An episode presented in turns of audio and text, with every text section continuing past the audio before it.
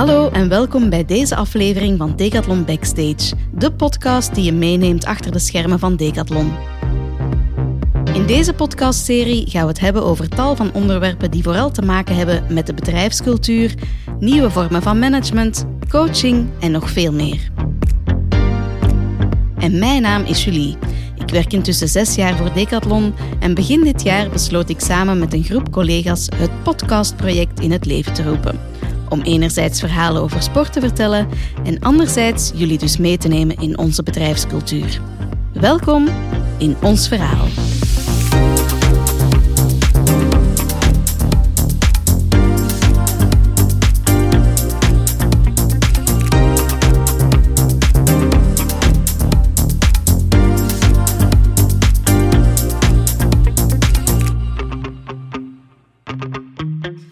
Vandaag heb ik Tim van der Mensbrugge bij mij te gast. En het is een beetje een speciale aflevering, want Tim werkt niet voor Decathlon, of toch niet rechtstreeks. Tim is namelijk de ghostwriter van het boek Ons Verhaal. Hij is 39 jaar, woont samen met Eline en hun twee kindjes. Dag Tim, welkom in de podcast. Hallo, hey, dag jullie. Hey, hey. Tim, ik, uh, ik ga je even introduceren. Um, je hebt Germaanse gestudeerd, mm -hmm. omdat je al heel lang wist dat schrijven jouw passie was. Mm -hmm. En je talent nog wat bijschaven. Je vertelde ons ook dat je je masterthesis uh, in twee weken hebt geschreven. en nog een onderscheiding ja. haalde ook, uh, dat is straf. Ah ja, kijk. zo wist ik ook wel van kan ooit, ooit wel een boek schrijven ja. in korte tijd. Dus. En na je studies ben je dan aan de slag gegaan. Eerst op de redactie van De Morgen. Mm -hmm. Was minder je ding, als ik het goed heb begrepen. En uh, ja. na een collectief ontslag uh, was je er gelukkig ja, bij, bij, ja, bij dat was, ontslag. Ik was heel blij. En ben je freelancer geworden. Uh, en als zelfstandige schreef je artikels voor meerdere kranten. Mm -hmm. um, ondernemen zit in je bloed, maar dus ook dat schrijven zit echt in, in je bloed. En vier jaar geleden, uh, op vraag van een vriend, ben je een boek beginnen schrijven uh, over Gent. Uh, in ja. het begin schreef je dan onder je eigen naam en pas later dan echt beginnen werken als ghostwriter voor meerdere uitgeverijen. Ja, ja, zo is dat eigenlijk. Het is eigenlijk een beetje vanzelf beginnen rollen. Ja. Het is niet dat ik een groot plan had. Het is in één keer gewoon, je schrijft één boek en nog één en dan vragen mensen van, ja, maar wil je ook een keer een boek in iemand anders zijn naam schrijven? En ja, kijk, zo... Uh, is dat beginnen lopen. Zalig. En je vindt dat veel wijzer dan artikels schrijven? Ja, dat is, dat is echt veel plezanter. Omdat uh, bij een artikel gegooid in een nieuwe wereld en als je er nog maar een beetje in zit, moet je er alweer uit. En dat moet heel kort zijn. Alle leuke dingen moet je er eigenlijk uitgooien. Terwijl bij een boek kun je daar blijven en blijven en blijven uitrollen. Dat, dat is gelijk Alice in Wonderland. dat was bij Decathlon ook zo. Ja. Um, en, en, ja, dat is de max. Dat ja. echt het volledige verhaal kunt vertellen. Ja. Niet gewoon kleine beetjes daaruit moeten pikken. Het klinkt leuk hoe, dat je het, uh, hoe dat je het vertelt. En momenteel zit je aan een ritme van 9 à 10 boeken per jaar. Je moet ja, er zelfs precies. weigeren, uh, heb ik begrepen. Ja, en um, ja, de onderwerpen zijn, zijn heel divers. Uh, en het is een passie die je drijft, echt om, om te schrijven. Ik vind dat super plezant. Allee, ik begin meestal te werken om vijf uur s morgens en, en soms tot 19 uur s'avonds, maar dat stoort niet. Nee. Soms is dat wel jammer als het goed weer is, dat je ooit een keer eindelijk er op een terras kunt gaan zitten nu.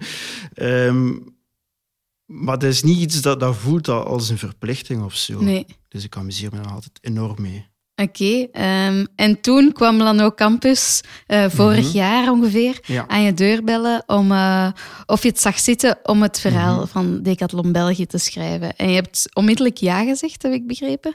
Ja, ja, ja omdat... Uh, Allee, Decathlon was sowieso voor mij iets, iets magisch. Uh, toen ik Decathlon leerde kennen, bestond er nog niet in België, dat is lang geleden. Um, en we zaten veel met mijn ouders op reis aan de Atlantische Oceaan, zo ja, de Landes, Golf van Biscay. En die zee, zijn heel leuke golven en wij wouden bodyboarden, mijn broer en ik. Ja. En dan gingen we naar een decathlon en bodyboards gaan kopen en van die uh, niet pakken. Dat was spectaculair. En, en dat was de eerste kennismaking met Decathlon. Um, en toen dat ik dan hoorde van Niels, van de uitgever, hoe dat Decathlon achter de schermen werkte, was dat nog veel fantastischer. Want was nog die, magischer. Ja, had al die coole producten van Decathlon, maar om dan te horen dat er daar zo geen klassiek bedrijf met een hiërarchie enzovoort achter zit, maar ja, iets, iets bijna cowboyachtig, dan dacht ik echt van, de max, dat wil ik gewoon doen. Ik wil weten hoe dat, dat werkt Of dat eigenlijk to, werkt tout court. Mhm, Want mhm. dat is ook een vraagstuk. Hè?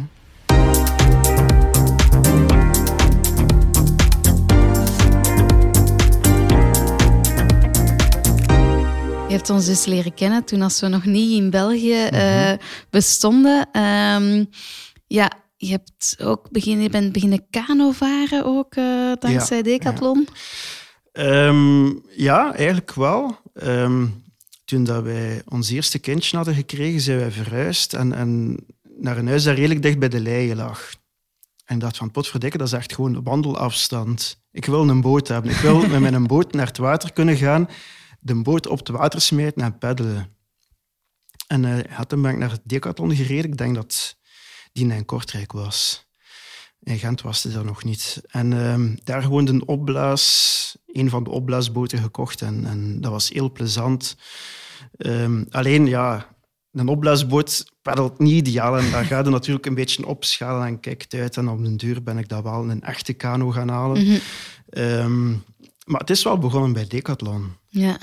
En je bent hier vandaag ook op je skates, heb ik gezien. Ja, inderdaad. Dat is ook, ook dankzij Decathlon begonnen. Ehm, onze oudste had van een neefje eh, zijn oude skates gekregen. En dat waren zo die instap-skates van Decathlon, van Oxello.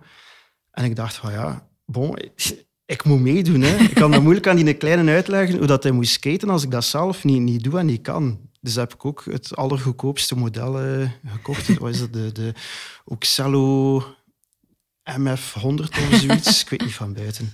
Ehm, en dat beviel mij. Ja. Dat, dat was echt heel plezant en, en wil daar even verder gaan. Dat wist ik subiet. Eh natuurlijk, ja, die goedkope skates merkte van... dat is leuk als instapding, maar je wilt eigenlijk meer kunnen. En, en Ja, ja, duur zette daar een hele collectie eh Oxello-skates bij mij in de gang en, en Ja. ook nog andere skates erbij. Maar het is effectief begonnen bij Decathlon. Zalig. Ja. Dus je, je bent ook wel die, die sporter in het bloed, als ik het zo hoor. Goh, Ja, ik weet niet. Ik heb me eigenlijk nooit als sporter beschouwd, maar eh, op een bepaald moment zijn ze effectief wel bezig met mijn sport. En, Ja. dan is dat wel zo zeker. En dus ehm Lano kwam je dus vragen om een boek te maken. Mhm. Ehm, wanneer was dat juist? Ehm, ik denk eind 2019 dat we daar voor de eerste keer over hadden gesproken. Ik had toen net een boek gemaakt met Cédric Dumont. Ik weet niet of de naam iets zegt, maar dat is een, een, eh, een skydiver, basejumper. Ja. eh, echt een avonturier eigenlijk. Ehm, Hij dacht nog een avontuurlijk verhaal. en dus ik, ik had hier een boek gedaan met Cedric. Het was een heel leuk project. En ik vond dat Decathlon daar een beetje, ehm enfin, niet een beetje, veel bij past. Omdat Cedric heeft het over vertrouwen bijvoorbeeld. Mhm. Over ehm, communiceren, over duidelijke feedback durven geven. Over leiderschap. Leiderschap zonder dat je werkt met, met functies, maar gewoon leiderschap omdat je ja, je verantwoordelijkheid opneemt en iets in gang steekt, iets doet, eh, iets waarmaakt, je dromen waarmaakt. En heel veel van die dingen in Cedric zijn verhaal komen gewoon terug in, in eh, Decathlon. En dat was geweldig. Dat was echt gewoon een toepassing van Cedric zijn theorieën, Mhm. of wat hij op, op zijn eentje heeft ontdekt eh, door in groepen te werken, was dat echt toegepast in een zeer groot bedrijf. Ja. En ja, dat wil ik wel een keer weten van, werkt dat nu? Mhm. Kan dat? Is dat mogelijk? Of maken ze zichzelf iets wijs? En ehm, wat was dan je eerste reactie, gevoel, als, als ze dat, dat vroegen aan jou?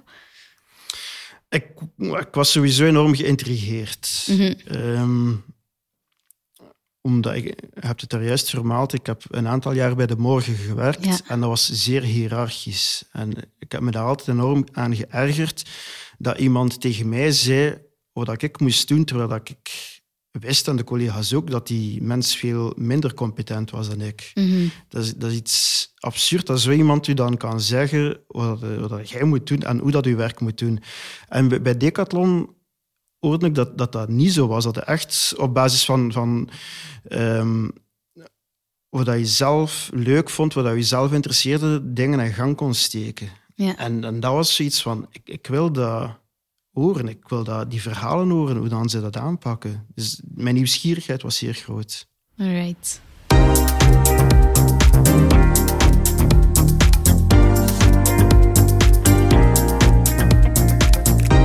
En dan je beginnen schrijven? Of ja, eerst beginnen informatie te verzamelen? Eerst, ja, enorm veel mensen beginnen interviewen. Ja. Hè. Um, ik had een, een Sowieso hadden wij in februari 2020, vlak voor COVID, eh, een vergadering in Everen. Ja. Moet je dan een keer voorstellen, we zaten echt zo met twintig man of zoiets in een, in een heel klein kamertje. Als je daar nu aan terugdenkt, denk je, no way, no way. Niemand gaat er nog binnen. En, en ja, dat was een paar weken voor de lockdown. Um, en sowieso de mensen die daar zaten, die wouden ook al ja, meedoen aan de interviews. En ja, je begint gewoon en de mensen die je spreekt, die zeggen dan van ja, maar je moet zeker ook met een dienen spreken, want die doet een leuk project. Of, of met een dienen, die is echt met, met heel plezante dingen bezig. En ja, dat, dat is een lawine.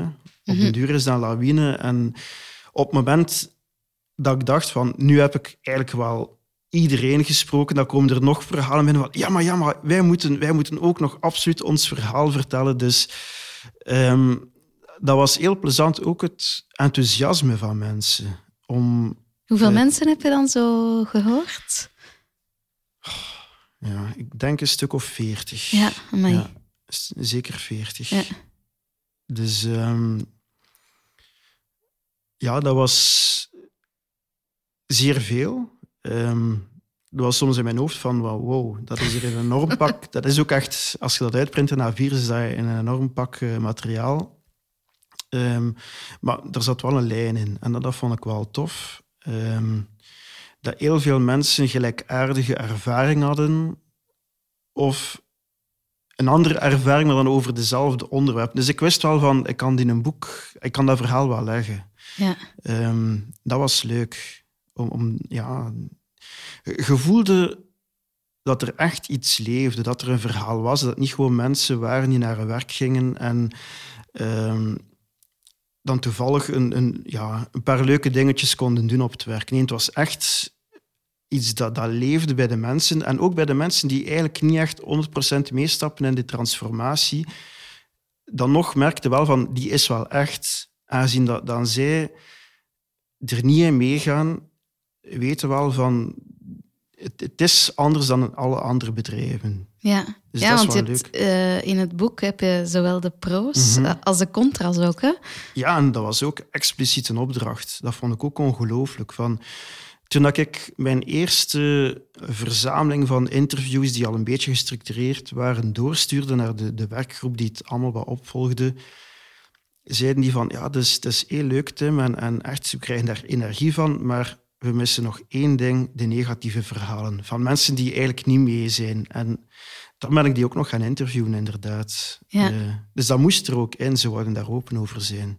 En dat waren dan echt mensen die dat eigenlijk wel nog altijd bij Decathlon werken, maar niet zo'n fan zijn van uh, heel de transformatie. Ja, inderdaad, die bij Decathlon werken en die, um, die daar ook wel goede dingen in zien, maar daar ook kritiek op hebben. En ja, op een of andere manier zouden die denk ik dat een beetje willen terugdraaien. Maar tegelijkertijd is het feit dat ze nog altijd bij Decathlon werken en dat ze die kritiek kunnen uiten, ook wel een bewijs dat die feedbackcultuur werkt. Ja. Dat je ook niet bang moet zijn om, om te zeggen van kijk, 9 op de 10 van mijn collega's vinden dat hier super waanzinnig de max. Ik vind dat eigenlijk niet, maar ik kan dat wel zeggen.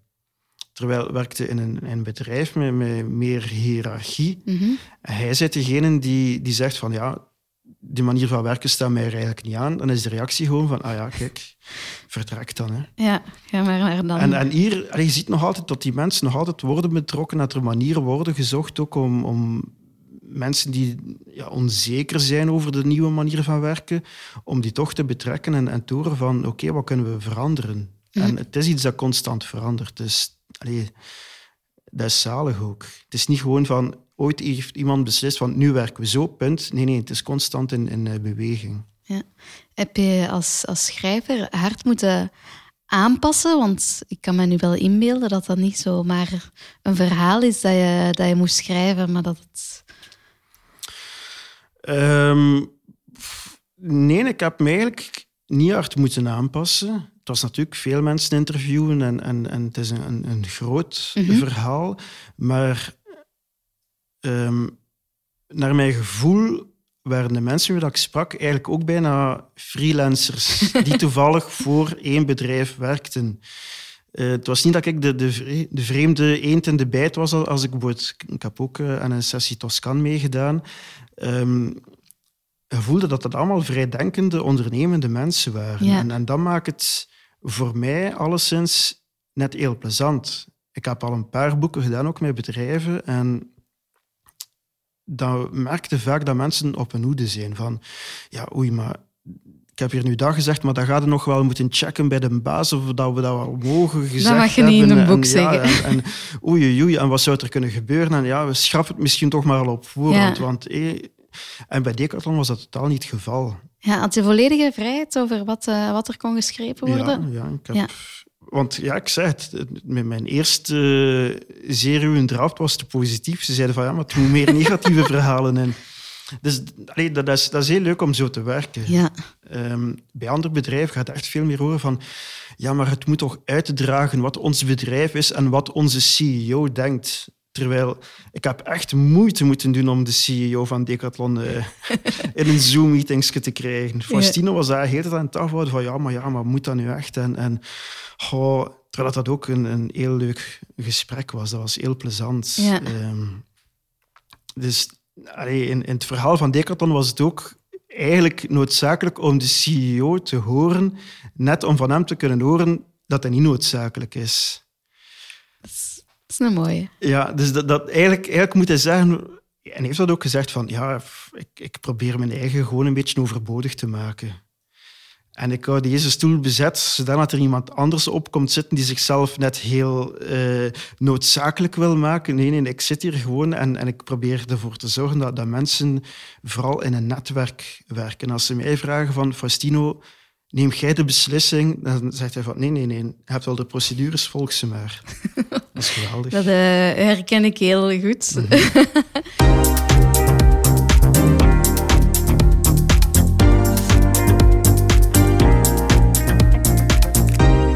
Ehm, wat is jou het meeste bijgebleven van het eh, afgelopen jaar? Tja, ja, ik, ik denk te hard wel die, die spirit om ehm,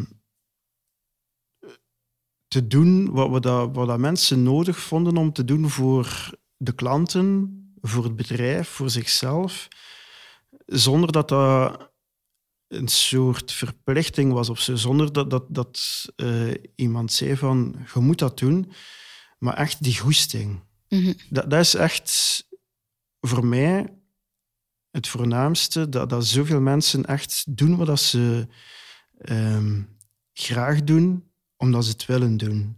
En omdat ze voelen van, ik, ik doe dat ook goed en ik kan dat doen. Terwijl ik heb al zoveel mensen gezien die ongelukkig zijn op hun werk, Mhm. ehm, die ja, een vervelende baas hebben, een baas die onmogelijke dingen van hen eist, die niet bezig is met wat zijn die mensen goed en wat doen ze graag, maar gewoon van wat, wat heb ik nodig? En jij gaat dat nu leveren aan mij omdat ik het wil, punt. Ehm, nee, bij Decathlon merkte echt zo die, die zin om dingen te doen.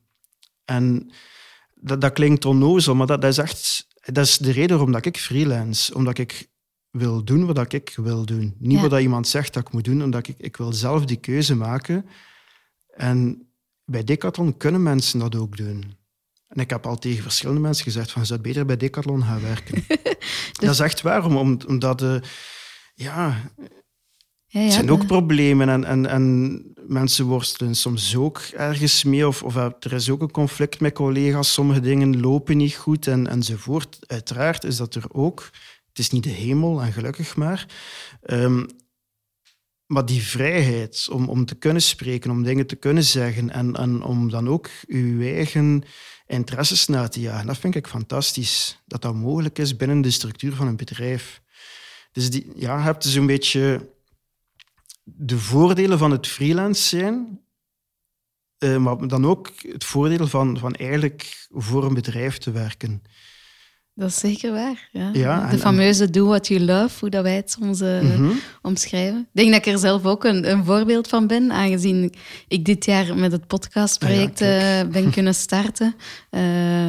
Dat ze mij ook hebben aangeraden van, ja, maar dat is echt waar je goestingen hebt, dus, dus doe het gewoon. Dus, Ja, c'est ça. En ik heb dat ook gemerkt op die Toscan, uh, dat Toscan-weekend. Enfin, het is niet echt een weekend, die driedaagse. Ja, dat is, um, dat is een, een opleiding binnen, binnen ja, Decathlon. Hoe, ja. dat mensen er echt fundamenteel nadenken van waar wil ik eigenlijk naartoe? Wat, mm -hmm. wat wil ik doen, uh, niet alleen binnen Decathlon, maar ook gewoon in mijn leven? En hoe kan ik die twee met elkaar combineren? Hoe kan ik mijn interesses combineren, ook in mijn gezinsleven enzovoort? Um, en dat dat daar ook wordt aanvaard. Er wordt niet gezegd van, ja, maar jammer, uh, het gaat hier wel over decathlon en moet er nu niet beginnen over, over je privéleven en over je kindjes en dit en dat. Nee, nee, dat was totaal normaal dat iemand zich die vraag stelde van hoe ga ik alles combineren en uh, hoe, hoe, kan zowel met mijn leven buiten decathlon als binnen decathlon uh, iets ja, van waarde hebben? Hoe kan dat plezant blijven? En, en, daar ging ook heel die opleiding echt over. Van, zij authentiek, zij eerlijk tegenover je eigen. En dat kunt ook eerlijk zijn tegenover andere mensen, maar, maar zeg ook wat, dat er, wat dat jij voelt en hoe dat je daarbij voelt. En stik dat vooral niet weg. Mm. En ja, dat vergt toch wel een, een enorme uh, volwassenheid ook, denk ik. Ja, en om dat dan binnen dan een bedrijfscontext nog, mm -hmm. nog eens te beleven is, is toch wel iets apart. Ja, het is dat. En um, toen ik nog op de morgen zat, we hadden een, een directe bazin en die was enorm competent. Dus die kende mm -hmm. haar vak heel goed. Die was ook zeer menselijk. Um, ze was ook wel streng als het nodig was. Ze zei het ook als iets niet goed was, maar ze bleef dat heel menselijk doen. En die maakte ook leuten met ons. Maar de kritiek dat zij dan kreeg van, van haar bazen eigenlijk, was van, ja, maar dat kan niet. Je mag dat niet doen. Hij moet, hij moet duidelijk tonen wie dat er de baas is. En dat werd er net gezegd door iemand die niet competent was. en die had niet door dat niemand respect had voor hem en dat iedereen enorm respect had voor, voor haar, voor Hadewig, eh, omdat zij gewoon zelf ook respect toonde, ja. vertrouwen toonde en, en gewoon haar werk kon. En dat is heel die dynamiek die zo belangrijk is en die ja, in veel bedrijven eigenlijk mm -hmm. niet bestaat. En in Decathlon wel, en er wordt er ook werk van gemaakt. En dat is, ja... Um, dat, dat vergt echt wel, durf, denk ik, om, om zoiets ook door te voeren. En daarmee geeft ook het signaal aan, aan leiders van je zet maar een leider als je je mensen kunt meenemen en niet omdat je toevallig uh, je eigen leider mag noemen, omdat dat op je, op je visitekaartje staat. Dus je gaat ook wel ervoor moeten werken. Je gaat het wel moeten tonen dat je mensen kunt leiden. Ja, visitekaartje. Op zich, uh, daar zijn we niet echt meer mee bezig. Hè, met nee, nee, dat is waar. ik heb heel veel aan mensen gevraagd, ook tijdens de interviews, van... Uh, ja, ik heb onder uw naam en uw mail zie staan dat, dat je... Ik ben al de functieomschrijvingen kwijt. Kun je mij alstublieft een keer uitleggen wat je dan doet? En zeggen mensen van, ja, maar dat is eigenlijk ook maar één van de vijf dingen dat ik mee bezig ben. En, en ik heb een rol daarin en een rol daarin. En omdat mij dat interesseert, ben ik ook daarmee bezig. Iemand die zowel veiligheid coördineert als bezig is met de payroll. Ja. Dat is, dat is, in een ander bedrijf zou dat absurd zijn. Ze zouden nu aankijken van what the fuck is er mis met u? Terwijl bij Decathlon is eigenlijk normaal van, ah ja, die, die, die coördineert zo de veiligheid en ondertussen nu een beetje denkt hij ook wel na over de payroll. Ja. Va, doe maar. En dan zetten ze er ineens een passant nog eens bij welke sport dat ze beoefenen. Ja, dat ook nog een keer. Ja, ja dat is juist. Ja, dat is een typische. Hè? Of gewoon helemaal niks vermelden van rol en gewoon zeggen uh, voetbal gepassioneerd. En, ja. en dat staat dan in de, in de handtekening. Ja, inderdaad. En, en dat, is, dat is leuk, omdat het dan ook wel gaat over wie dat is als mens. En misschien dat de buitenwereld, ik weet niet, soms verlangt naar een duidelijk labelken of een, of een etiketje. Kan zijn, ik weet niet. Maar ik denk ook als je je voorstelt als iemand van hallo, ik ben uh, van Decathlon, ik, ik, ben met dit project bezig, kun jij ons helpen daarbij? dan is dat ook duidelijk. Mhm.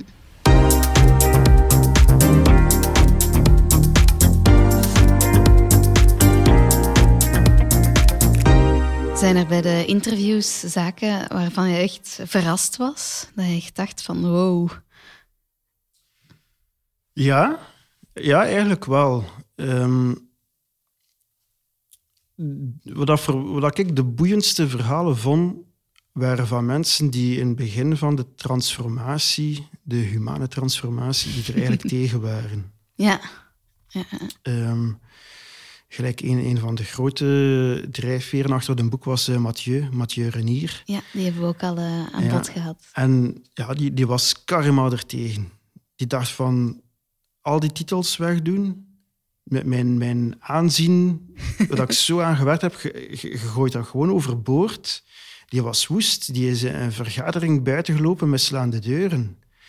Want die was zo gericht op, op, op carrière maken en op de, het aanzien van een titel. Ehm, die heeft dan die, die hele mentale switch wel gemaakt van... Hij, hij was zelfs al aan het denken over zijn ontslag. Mhm. Dus hij was al aan het opstellen en, en, en dan toch gemerkt van... Verdorie, maar misschien heeft mijn woede niet echt te maken met Decathlon, maar met mijzelf. En, en misschien moet ik afleren om eh, mijn, mijn zelfbeeld uit een titel te halen en, en moet ik gewoon kijken naar wie dat ik ben en wat dat ik wil en waarom dat ik bepaalde dingen wil doen. En toen heeft hij eigenlijk gemerkt dat ehm, ook de collega's die reageerden niet op zijn woede van, van hij al verzot, maar die waren begripvol. En die zeiden van ja, wij verstaan dat, dat is niet gemakkelijk, maar wandelt even mee en, en kijkt wat we proberen te doen. Eh, het gaat ons niet om mensen een titel af te pakken, het gaat om de mens achter de titel te herwaarderen. Om, om te kijken van wie zijt je en wat wilt je. Ehm, en ook bij iemand anders, dat staat ook in, in het boek, eh Koen ten Grotenhuizen. Mhm. Ehm, ja, dat heeft hem eigenlijk echt fundamenteel geraakt, heel dat proces. Hij, ehm, hij lachte daarmee in het begin. Hij vond dat bespottelijk en, en, en er was bijna een hippie-commune die opeens in Decathlon was neergestreken. Ehm, maar ook door te zien hoe dat werkte, is hij daar zelf van overtuigd geraakt. En dat heeft hem als mens eigenlijk ook veranderd. Hoe dat hij ja, met bepaalde dingen omgaat. Ehm, en hij blijft ook wel zijn kritiek uiten. Ja. Maar omdat dat ook past binnen he- het hele concept van, van spreekvrijheid. En op eh, eigenlijk de, de laatste Zoom-meeting, ehm, waar we aan het nadenken van welke namen gaan we op de cover zetten. Ehm, dus ik heb een boek geschreven. Ik schrijf ook in het voorwoord dat ik een boek heb geschreven. Maar er staan in, in de Nederlandstalige versie vijf namen op de cover en de Franstalige versie vijf namen op de cover van het boek. ja, dat was En- een speciaal proces. Hè? Ja, en we hebben daar een vergadering over belegd. Ik heb die ook mogen meevolgen. Dus een vergadering over welke namen dat Ja. op de cover zouden staan. Want jouw naam staat niet op de cover. Nee, mijn naam staat er niet op. Dat, Nee. dat- voor mij hoeft dat ook niet. Nee. Ehm, en er, er waren verschillende methodes voorgesteld van hoe, hoe dan we dat gaan doen. Gaan we Mathieu laten beslissen of gaan we gewoon een verkiezingskunde houden? En we stonden eigenlijk op het punt om, om gewoon te stemmen. Er was zo'n Ja. online eh, stemformulier aangemaakt. En, en dan eh, greep Koen in. Koen zei van... Ik stel voor dat we dat toch niet zo doen. Want hij had dat meegemaakt op een vergadering, dat er ook werd gestemd over ja, wie dat een bepaald ding ging doen. Ik weet niet precies wat. En hij zei van, die sfeer is daar zo negatief geworden van mensen die elkaar eigenlijk kennen, bijna als vrienden, en opeens concurrent werden, tegen elkaar werden uitgespeeld, of ook voelden van, oeh, maar ik dacht dat, dat, dat wij vriend waren, maar, maar eigenlijk heb jij op de andere gestemd. Allee, dat was, dat was echt zeer onaangenaam. En hij zei van, dat wil ik echt absoluut niet, dat dit mooie project eh, eindigt in, in zoiets negatief. En dan heeft eh, de andere Koen, Koen Daman, de, de leader van de feedbackcultuur, geloof ik, Ja, die ook in de podcast is langs geweest. ehm, een, een andere manier bedacht van ja, we kunnen ook een soort stemmingsje doen als ehm, advies aan Mathieu. en Mathieu kan dan een beslissing nemen. Ehm, en dan kunnen we dat zo doen, want we vertrouwen Mathieu. En Mathieu heeft dan effectief expliciet het vertrouwen gevraagd ehm, en gekregen. En, en zo is dat uiteindelijk goed gelukt. Ik denk niet dat iemand ontevreden eruit gekomen is. en ja, ik, ik, vond dat heel leuk om dat te zien. Ja. En ze hebben een namen gevonden voor op het boek. Ja, ze hebben de namen gevonden. En het toont, denk ik ook... Ik denk niet dat Koen dat vijf jaar... Koen uit een grote vijf jaar geleden zo aan de noodrem had getrokken. Nee. En dat hij waarschijnlijk gewoon gezegd van... Ah ja, bon, we gaan dat doen. En is er iemand ontevreden? Ja, bon, dat is part of the game. Terwijl nu heeft hij echt gezegd van... Nee, nee, we moeten dat goed doen, dat iedereen daar tevreden over is. Dat niemand achteraf zegt van ik voel mij bekocht of ik voel mij verraden. Ehm, dat is goed gelukt, denk ik. Dat, dat was ook voor mij prachtig om dat als laatste dingetje van heel boek mee te maken. Ik heb dat ook als, als soort epiloogje erin opgenomen, omdat dat ja, gewoon in de praktijk was, dat er al veel mensen over hadden getheoretiseerd van ja, we, we proberen uh, die feedbackcultuur te doen en, en, en open te beslissen en tralala. En daar zag ik dat gewoon een keer echt over iets belangrijk. Ja. Allee, ik vind de naam op een cover toch belangrijk.